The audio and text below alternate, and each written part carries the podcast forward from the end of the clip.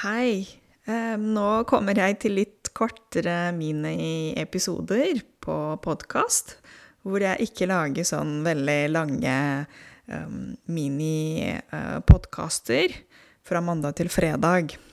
Det var noe som jeg gjorde de siste ukene, fordi jeg følte selv at det var litt mye å gå igjennom og fortelle dere om forskjellige dyr på norsk. Så hvis dere er som meg og har lyst på litt kortere miniepisoder, uhu, da har den dagen kommet. For i dag blir det en litt kortere episode som jeg pleide å gjøre før. Som jeg pleide å lage før, da. Og fordi jeg snakket om dyr i det siste, så tenkte jeg å komme med en um, noe klassisk, et uh, idiom. Vi kan kalle det et uttrykk også. Å kjøpe katta i sekken. Så jeg tror at de fleste av dere forstår hva katt er, uh, eller sekk. I en sekk er noe som er stort. Det er ikke en pose, men det er noe som er større i en, i en eller bærepose. I en sekk. Så når du sier 'katta i sekken' og 'kjøper katta i sekken', dette uttrykket snakker ikke om katter. Nei, uh, dette uttrykket uh, egentlig betyr at um, man har kjøpt noe um, som kanskje man ikke har sett, eller har Man har blitt lurt. Og å bli lurt, det betyr at noen prøver å lure deg. Og si til deg én ting, men faktisk det er ikke sant eller riktig. Så um, dette uttrykket brukes ofte når vi snakker om noe vi kjøper. Hva kjøper vi? Vi kjøper um, klær, vi kjøper biler, vi kjøper hus. Litt forskjellige ting. Uh, og nå, siden covid, så er det veldig mye netthandel. Netthandel er et substantiv, sammensatt substantiv hvor du har to ord handel og nett på internett. Altså handel på internett og kjøpe på internett. Så det er kanskje flere og flere som har blitt flinkere de siste ja, to årene, sånn cirka, på å kjøpe ting på nettet.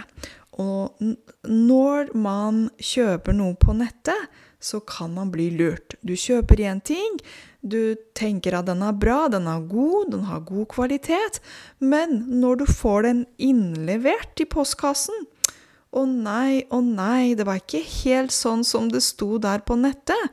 Da føler du at du har kjøpt katta i sekken. Um, jeg skal prøve å forklare for dere hvordan det er med dette uttrykket, og hvor det kommer fra. Um, det er Dette uttrykket, forresten, uh, brukes på andre språk også, så det er ikke bare uh, et uttrykk som brukes på norsk. For eksempel på engelsk så sier de uh, 'to buy pig in a poke'. Um, ja. Så det kommer fra um, Enten fra Frankrike Eller det er også um, registrert en historie uh, om en som heter Til Auenspiel, på tysk, ikke sant, fra 1300-tallet, som hadde en katt. Um, og i en slags sekk, vi kan si det sånn. Og ja Den egentlig fant en hare i sekken. Så det var ikke noe katt, men det var en hare. Okay? Harene dere vet som spiser uh, kanin, da. Okay? Som spiser gulrøtter. Bugs Bunny. Okay? Så um, det er også registrert at det har, blitt um, Ekspertene sier at det kan også hende at dette uttrykket kommer eller stammer fra en dikt, en fransk, et fransk dikt som er skrevet av en som heter Deschamps, Eustache Deschamps, fra ca. 1300- eller 1800-tallet. Så på norsk så sier man 'å kjøpe katta i sekken'. Det fins dette uttrykket som sagt på litt forskjellige språk, som svensk og ja, islandsk og italiensk osv. Så, videre. så nå skal jeg prøve å gi dere noen eksempler så håper jeg at det blir litt lettere for dere å forstå hva jeg snakker om. Så la oss si at dere sitter i en situasjon hvor dere har kjøpt um, en bolig. Så du har kjøpt deg kanskje en leilighet. Alt ser bra ut når du kjøper denne boligen. Og etter du har kjøpt boligen, du har betalt for den, du har flyttet inn i boligen Ting fungerer ikke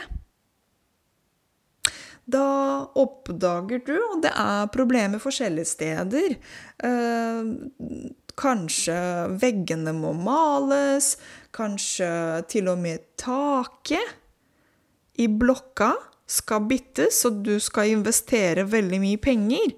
Da føler du deg sikker at du har kjøpt katta i sekken. Du trodde at du skal betale kanskje 2,7 millioner for, for denne boligen. Men fordi eh, blokka må eh, bytte taket, da må du investere og komme noen hundrevis av tusen kroner ekstra. Da har du kjøpt katta i sekken. Eller for eksempel hvis, eh, hvis du er på nettet, og mm, så bestiller du eh, noen sko, et par sko, og så får du disse skoene og når du ser dem, de er ikke, de er ikke så veldig bra. De er ikke gode. Det er de er det er ikke bra kvalitet. Det er ikke det du ville få. Da har du kjøpt katta i sekken, kan du også si. Um, så særlig når det gjelder netthandel, da må dere være litt forsiktige på hva dere kjøper. Så for eksempel i min situasjon Jeg har um, kjøpt katta i sekken veldig ofte. Fordi jeg følte at jeg betalte for noe, og jeg ble lurt. For eksempel siste gang så kjøpte jeg meg en sykkel på nettet.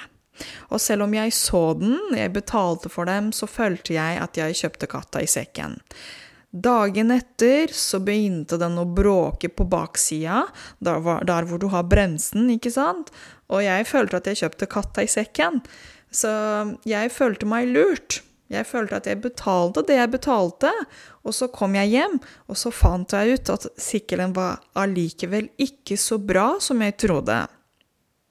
Ok, dere, jeg håper at dere forstår hva det er. Uh, forsiktig med netthandel og ting som dere kjøper. Hvis du er misfornøyd, så er det helt greit og faktisk anbefalt å klage og gi tilbake det du har kjøpt. Kjøper du noe på internett og du er misfornøyd, om det er klær, sko, datamaskin osv., husk at du har 14 dagers angrerett. Hva betyr det? Det betyr du har 14 dager på deg, altså to uker, på å ombestemme deg hvis du ikke skal bruke det. Da må du fylle ut et skjema og returnere det produktet som du har kjøpt, om det er noe nytt, ikke sant, ikke brukt, men nye ting. Du, får, du leverer det tilbake, og så skal du få pengene dine. Så jeg ønsker dere en veldig fin eh, dag videre uten noe, noen lurerier eller um, ja, ikke noe sånn uh, katter i sekken. Så høres vi vel i morgen på minipodkast igjen. Ha det så lenge.